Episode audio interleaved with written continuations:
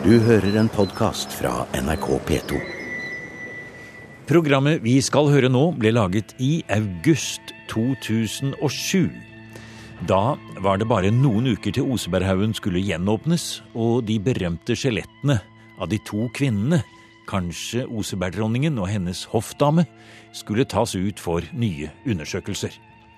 I dette programmet snakker doktor med Per Holk om hva man kunne håpe å finne, og ikke minst hva man allerede visste om Osebergdronningens DNA. I en sidebygning til Rikshospitalet ligger Anatomisk institutt ved Universitetet i Oslo. Vi går gjennom magasinrom, hvor vi får et lite glimt av oppbevaringsskap fra gulv til tak.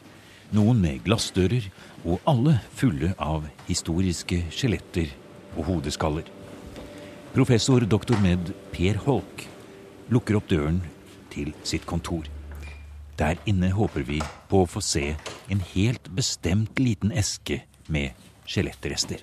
Eh, Anatomisk institutt har eh, forvaltningen av en stor skjelettsamling, som vi kaller de skreinerske samlinger. Det er historiske skjeletter som er kommet frem gjennom arkeologiske utgravninger helt fra 1850-årene og frem til eh, ja, faktisk frem til i dag. Over 8000 skjeletter. Og um, tilfeldigvis så kom jeg over en liten eske hvor det sto Oseberg på. Ja, tilfeldigvis, sier du. Hvordan foregår et eh, sånt arkivfunn, hvis jeg kan bruke det uttrykket? Det er eh, ganske mange esker å eh, gå gjennom. Og selv om jeg nok kjenner funnforholdene ganske godt, så er det ikke alltid at man leter spesifikt etter akkurat det navnet. Nettopp fordi at all dokumentasjon har vist at skjelettrestene ble gravet ned, satt tilbake i haugen i 1940-årene.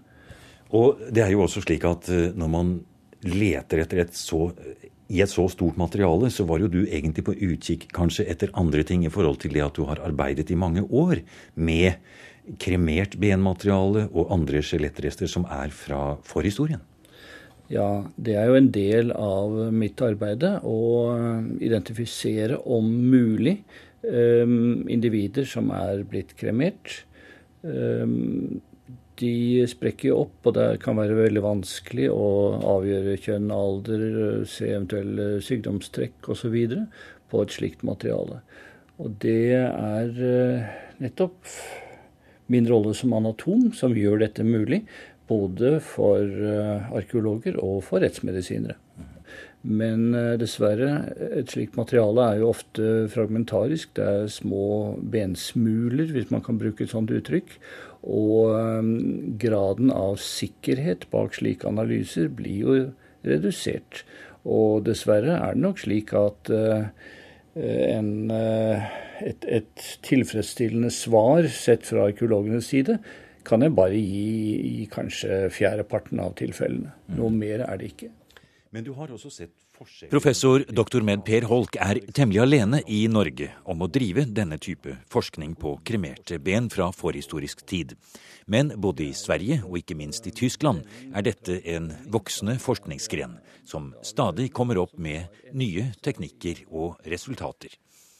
DNA-forskning på benrester er nettopp et slikt område. Og mens vi forsiktig nærmer oss de helt spesielle skjelettrestene vi straks skal se nærmere på.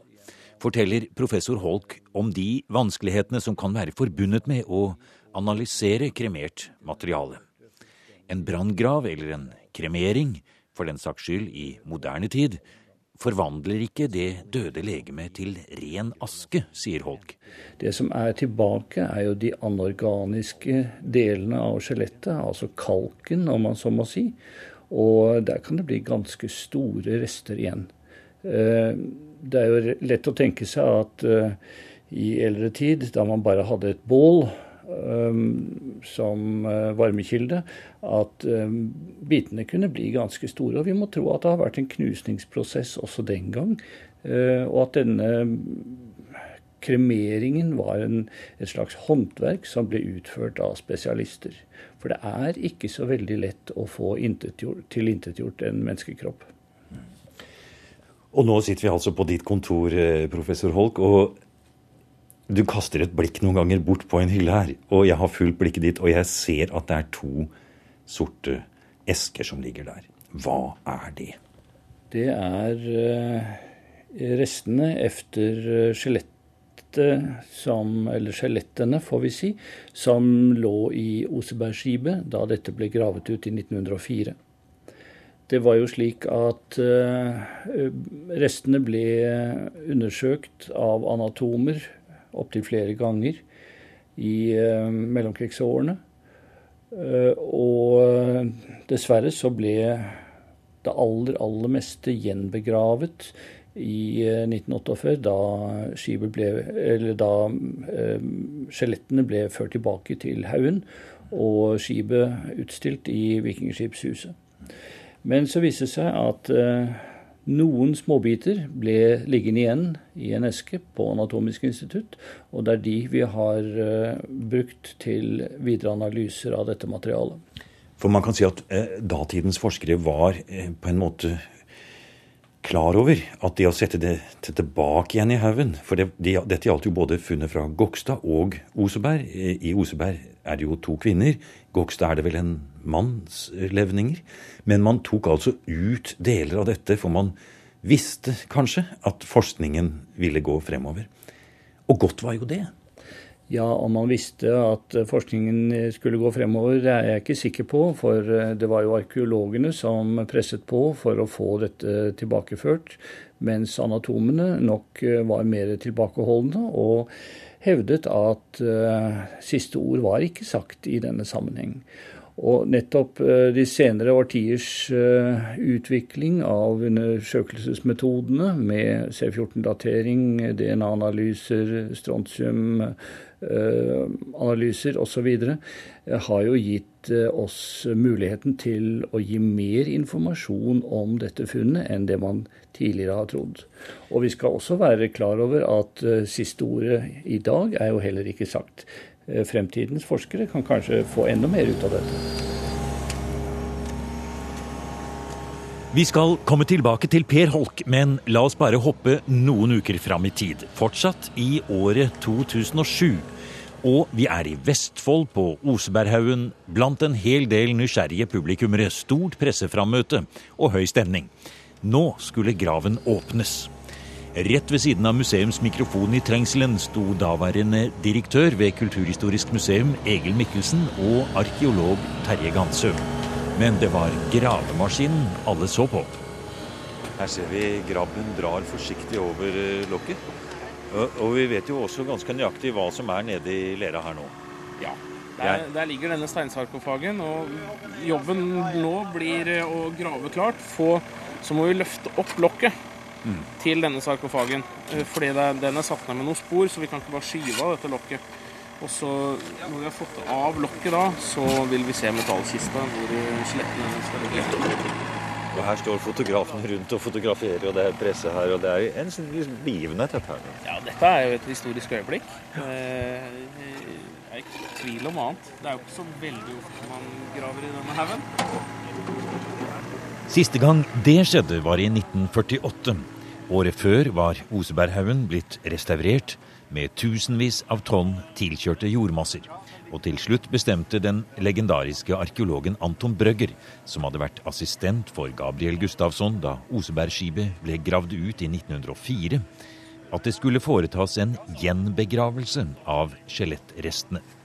Det samme hadde skjedd i 1928, da skjelettet etter mannen som var begravd i Gokstadskipet, fikk sin gjenbegravelse under stort seremoniell i den rekonstruerte Gokstadhaugen. Altså, når Brøgger og de andre var her, jeg tror det var 16. august, de, de satte ned den, og da var det en liten krets med folk som var her.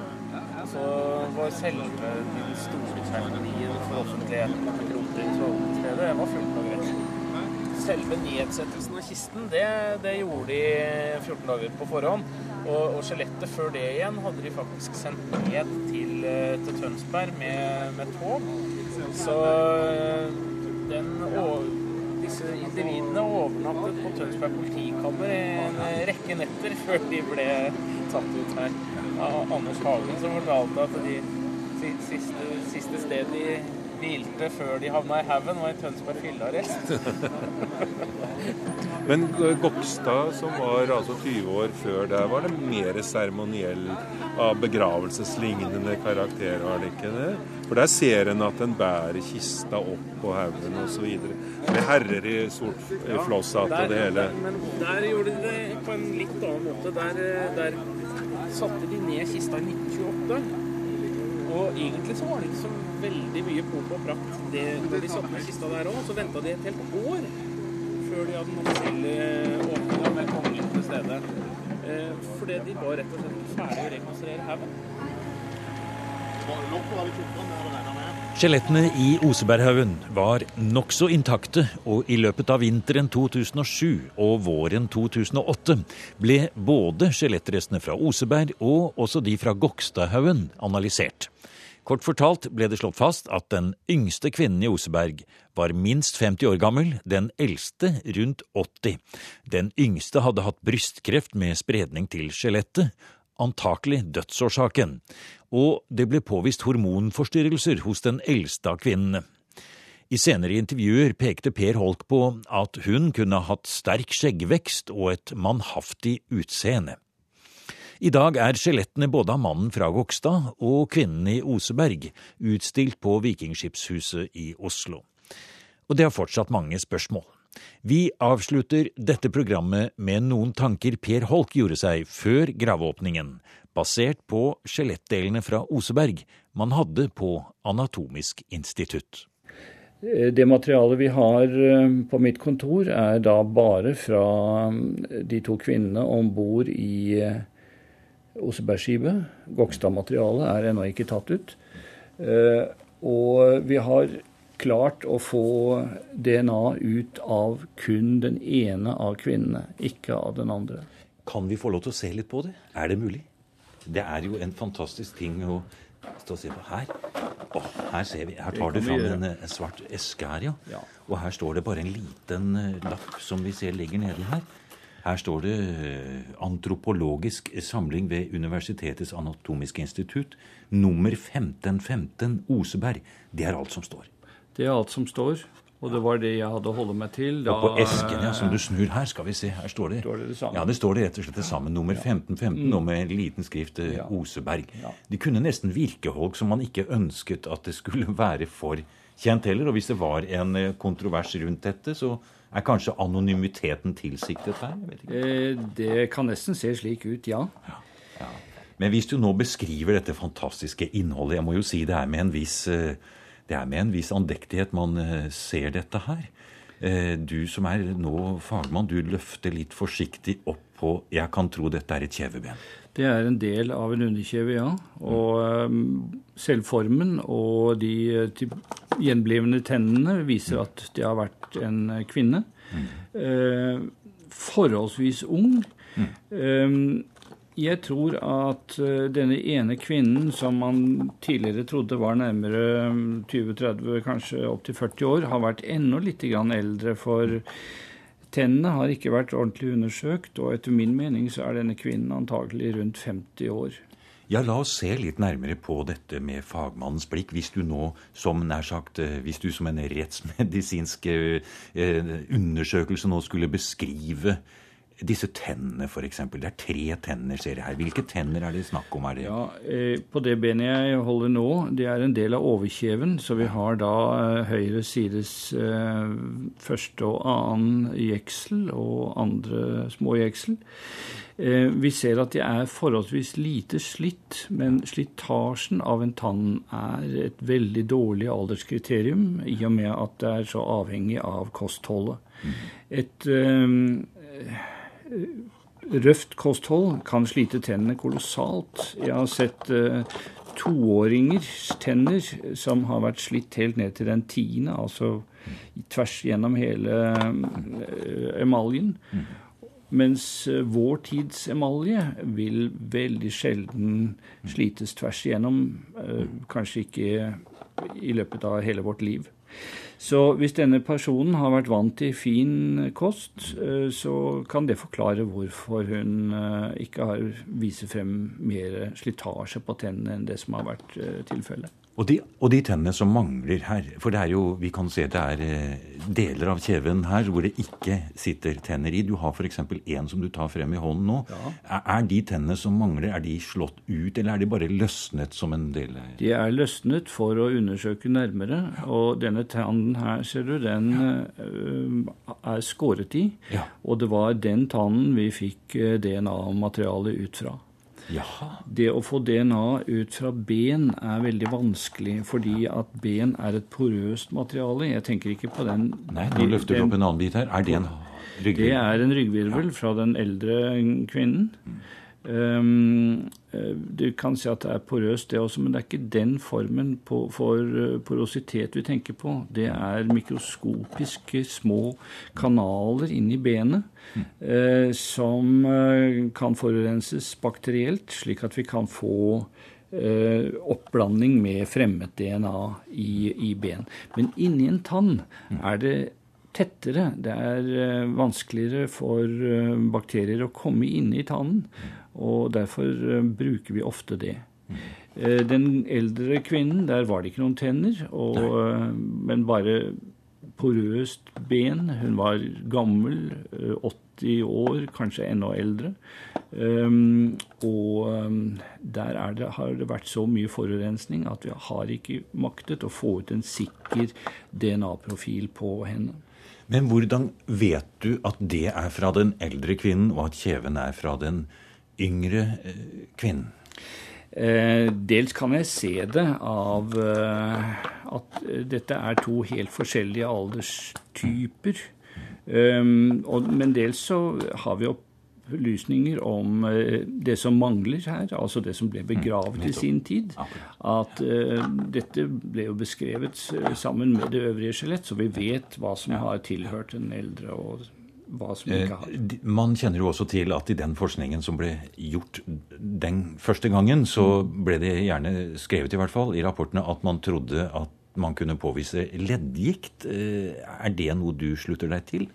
Ja, det er nok eh, ganske sannsynlig at vedkommende har hatt en nokså stiv kropp. Ja, Nå peker du på deler av denne ryggvirvelen. Ja, nå ser jeg på de leddene som forbinder virvlene bak til. Ja. Det vi kaller fasettledd, og vi ser at de er veldig eh, ujevne, hullete, sånn som det blir når det er betennelser i ledd.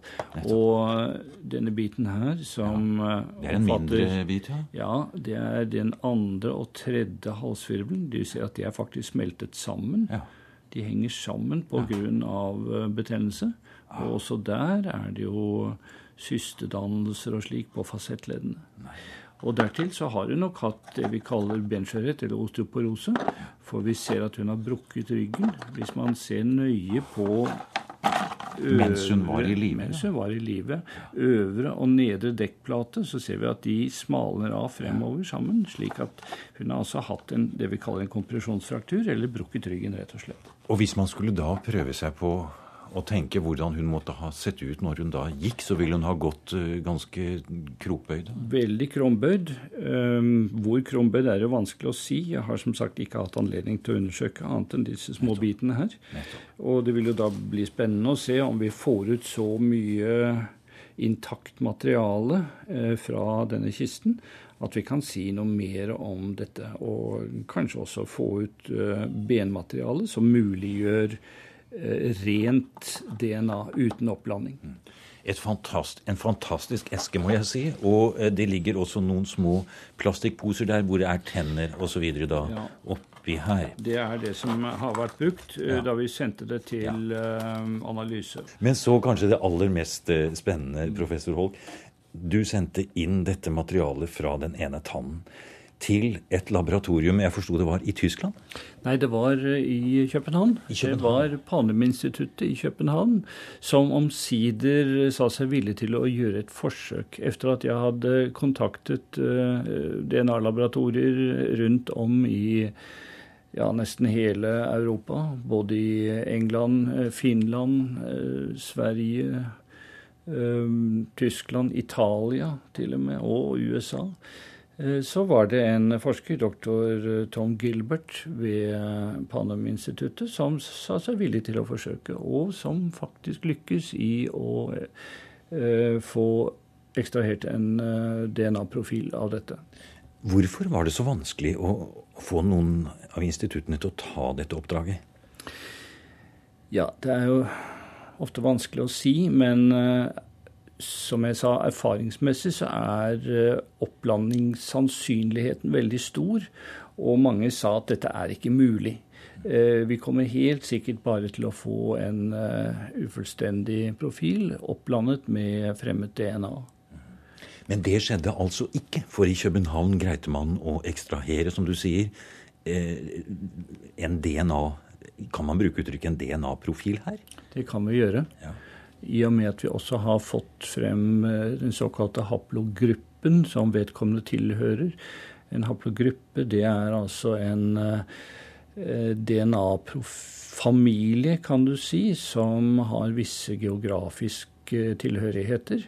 Og det var det som var så interessant her, at uh, den haplogruppen til den yngste av de to kvinnene, haplogruppe U7 kalles den, den var veldig sjelden i Norge. Forekom praktisk talt ikke i Norge og Europa i det hele tatt, men var ganske vanlig i Midtøsten, spesielt i det området rundt Svartehavet på nordsiden av Svartehavet. Veldig interessant. Så altså denne yngre kvinnen, som du nå antar er noe eldre enn man tidligere har trodd, du antyder 40-50 år kanskje som en mulig dødsalder, mm. hun var, ja kan vi si det faktisk rett og slett sikkert på bakgrunn av dette, at hun må ha helt sikkert ha hatt eh, familie fra Svartehavsområdet, eller kan du si det så klart at hun selv kom derfra? Det har hun nok ikke. Men eh, hennes eh, slekt har eh, eh, sine røtter i Svartehavsområdet, eh, kanskje Midtøsten. Um, og akkurat hvor lenge siden det kan ha vært, er vanskelig å si. Men det er jo snakk om mangfoldige generasjoner. Men interessant er det jo i denne sammenheng å se hva Snorre skriver om Odin som han beskriver som en uh, alminnelig mann, som riktignok vant uh, slagene og ble sett opp til av sine menn som guddommelig til slutt.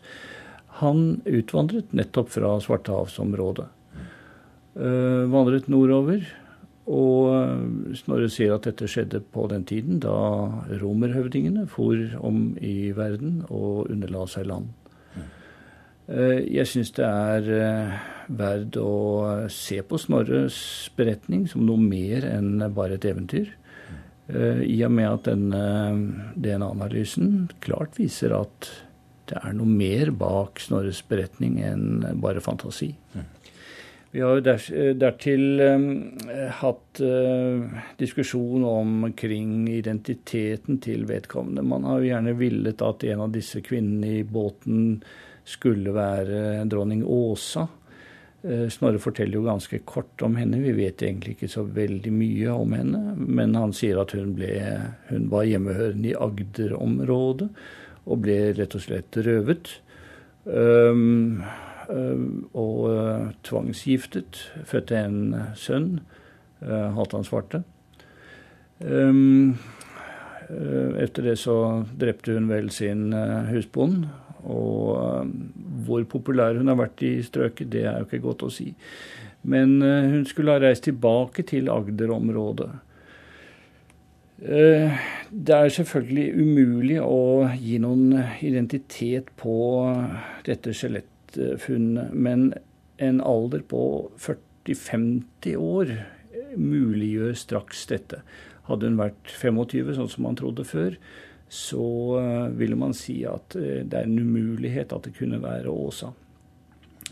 Men vi har gjort en annen eh, analyse. Det er noe, et, grunnstoff som heter strontium, som fins i mineraler i bakken.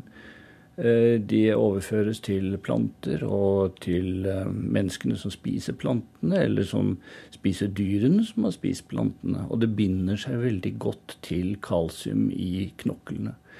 Og ved å undersøke strontiumisotoper så kan man til en viss grad eh, finne ut hvor vedkommende har levet. Og det interessante, etter å ha tatt svært mange strontiumprøver fra skjeletter rundt i Norge, så viser det seg at det er full match med Kristiansandsområdet. Og det er jo veldig spennende å se at her er det ikke helt usannsynlig at vi virkelig har Åsa. Ja. Det er spennende. For når det gjelder hvem som var hvem av disse kvinnene, så, så ser jo du da for deg at det er den yngste kvinnen som er Åsa her, da. Jeg kan ikke si sikkert noe av dem, eh, fordi det de kan være mor og datter f.eks. vi har for oss, i og med at vi ikke har en full eh, DNA-profil av den eldste. Det kan tenkes at begge to har sine forfedre fra Svartehavsområdet, og at begge to kanskje kommer fra Agder-området. Men eh, vi har sett på noe som heter eh, C13. Det er en annen isotop av karbon som forteller litt om hva de har spist. Og det viser seg at begge to har levet på kjøttmat, eh, altså terrestrisk ernæring, ikke fisk, som nok var fattigfolks ernæring den gangen. Og hvis du vil se her mm -hmm. Tar du fram kjeven igjen? Ja. Så kan du se på dette lille hakket der. ja. Nå peker du på tannen her. På tannen, ja. ja. Den lille brune tverrstripen der, det. det er rester efter å ha brukt tannpirker. Er det det? Så dette er overklassekvinner. Nei, altså. Nei, nei. Det var spennende. Men det viser bare at uh, forskningen går fremover, og at uh, nettopp uh, dette materialet gir oss mer informasjon om fortiden enn all verdens Eh, våpen og tekstiler og eh, saker og ting. Her har vi jo mennesket selv. Du har nå hørt en podkast av programmet Museum fra NRK P2. Og send gjerne en e-post til museum.krøllalfa.nrk.no. nrk.no.